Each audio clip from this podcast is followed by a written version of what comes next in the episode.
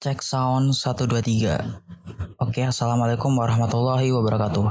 Pada podcast kali ini aku akan membahas Mana sih perguruan tinggi yang baik PTN atau PTS Mungkin ini jadi suatu problem sih Bagi siswa yang sudah atau akan lulus dari SMA dan Mungkin bingung untuk memilih perguruan tinggi. Banyak dulu dari teman-teman seangkatanku tanya terkait perguruan tinggi yang baik Ya aku jawab kalau minimal akreditasi untuk perguruan tinggi itu B dan akreditasi untuk jurusan itu juga B. Terus ditanyain lagi nih, mana sih yang baik PTN atau PTS? Dengan spontan aku jawab PTN sih yang paling baik karena dosennya juga terjamin dan kualitas kurikulumnya pun juga bagus. Alasan aku jawab kayak gitu karena pada saat itu pun aku juga lagi berusaha banget buat masuk PTN. SNMPTN aku nggak lolos, tapi nggak melunturkan semangatku buat masuk ke PTN. Dan akhirnya aku daftar SBMPTN dan daftar kedinasan. Setelah belajar dan sempat ikut kursus juga, namun takdir berkata lain sih. Dan aku pun harus ditolak di PTN dan kedinasan. Total perguruan tinggi yang menolak aku tuh sekitar 10-an sih kayaknya. sumpah banyak banget. Entah aku yang terlalu bodoh atau aku salah milih perguruan tinggi ya. Entahlah, aku juga nggak tahu. Lalu orang tuaku dulu bilang, udah nggak apa-apa kalau nggak lolos. Setiap orang kan ada rezekinya masing-masing. Ya mungkin kamu bisa nyobain tahun depan. Dan aku tuh juga mikir kalau aku sampai year, aku di rumah mau ngapain juga. Aku nggak percaya sih kalau bakal belajar selama setahun penuh. Ya udahlah aku cari, uh, aku pilih cara lain aja, nyari perguruan tinggi swasta. Dan tiba-tiba aku di WhatsApp sama salah satu PTS di Jawa Tengah. Isinya tuh dapat gratis biaya daftar kalau nggak salah. Dan aku tahu ini kesempatan dan aku langsung daftar. Pas milih jurusan pun aku bingung. Jurusannya asing banget buat aku. Tanpa pikir panjang aku pun memilih jurusan software engineering. Sumpah aku tuh nggak tahu jurusan apa tuh. Dan aku tuh cuma lulusan MA ya, bayangkan cuma lulusan MA dan gak ada basic IT-nya sama sekali. Dan aku juga nggak tahu itu jurusan apa ya, pakai bahasa Inggris segala. Setelah aku browsing, ternyata itu jurusan rekayasa perangkat lunak. Oh, aku baru tahu kalau soalnya pernah denger tuh jurusan cuma ada di SMK.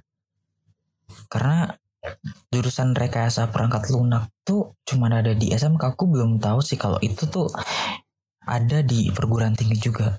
Singkat cerita, akhirnya aku masuk kuliah hari pertama. Suasananya masih terlihat asing sih bagiku. Dan aku kenalan dengan salah satu developer web expert. Di situ aku dijelasin sama dia tentang web, sampai aku nggak mudeng ceritanya. Lalu aku disuruh daftar di platform belajar coding online. Kayak belajar bikin aplikasi gitu. Dan di situ aku baru tahu ternyata sertifikat sertifikat kursus online itu berharga banget buat mendongkrak CV.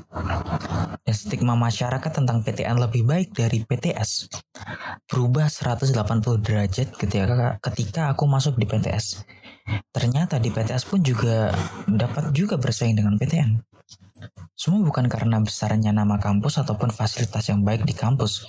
Semua mah mah tergantung orangnya. Ya kalau orangnya rajin dan sering eksplor tentang jurusannya, aku yakin dia pasti sukses dan enggak kalah sama yang lulusan kumlot di PTN.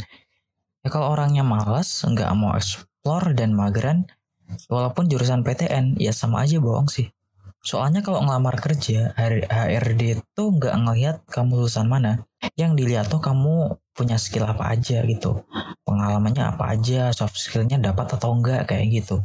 Dan terbukti nih kakak angkatanku ada yang ya sebenarnya dia juga lulusan SMA dan masuk ke kampus itu dia nggak tahu apa-apa tentang komputer dan coding sama sih kayak aku. Akhirnya dengan modal semangat, dia explore ilmu-ilmu yang gak diajarkan di kampus tuh. Setiap malam ada aja yang dia oprek atau dia kerjain. Dia nggak pantang menyerah. Kalau nemuin kode yang error, dia langsung cari tahu. Buka YouTube ataupun nyari di Google. Dan dia juga aktif di organisasi. Dan terbukti dia masuk deretan 120 Google Developers terbaik se-Indonesia. Dan dia baru semester 5. Gila bayangkan tuh. Itu baru semester 5 udah jadi Google Developers terbaik itu kalau semisal dia berhenti kuliah terus ngelamar kerja di Tokopedia, di Shopee, di Grab, di Gojek jadi software engineer mungkin dia bakalan bisa walaupun dia nggak lulus S1 Jadi PTN dan PTS itu sama aja sih. Kalau ada yang bilang kan kualitas pengajarannya lebih baik, lebih bagus. Menurut pengalamanku nih ya, uh, menurut pengalamanku tanya-tanya sama temanku yang di PTN, yang namanya dosen pasti beda dengan guru. Kalau dosen tuh jelasin cuma intinya doang, nggak semua dan semua diserahkan kembali ke mahasiswa. Jadi mahasiswa mau mau nggak mau juga harus aktif.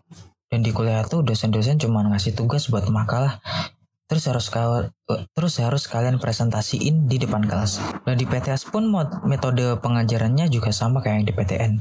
Ya kalau ditanyain kan bukunya lebih bagus yang di PTN.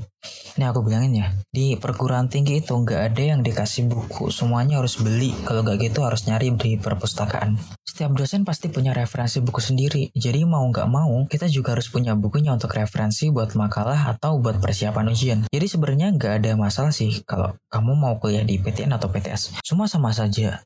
Yang penting itu niat kalian mau belajar, mau berusaha dan mau mencoba. Ya karena dengan itu kalian akan dapat skill yang gak dimiliki mahasiswa lainnya. Kalian terus saja explore tentang hal apa saja yang gak diajari di kampus. Misalnya kalian mahasiswa jurusan agama, cuman kalian minat di desain, ya kalian belajar aja. Kalau kalian mau fokus di desainnya, ya silahkan nggak apa-apa. Toh desainer ekspor juga nggak selalu lulusan dari anak di kafe ataupun anak seni kan. Cuman satu poin yang penting di sini adalah jika kalian pengen di PTN, jika kalian pengen keterima di PTN, berusaha sekeras mungkin. Karena aku tahu juga kalau orang tua kalian tuh pasti bangga banget kalau kalian diterima di PTN. Itu udah pasti. Setelah mendengar penjelasanku tadi, kalian jangan mikir kayak, wah mending kuliah di PTS aja deh. Ngapain aku susah-susah buat ke PTN kalau toh sama aja. Ya nggak kayak gitu sih konsepnya.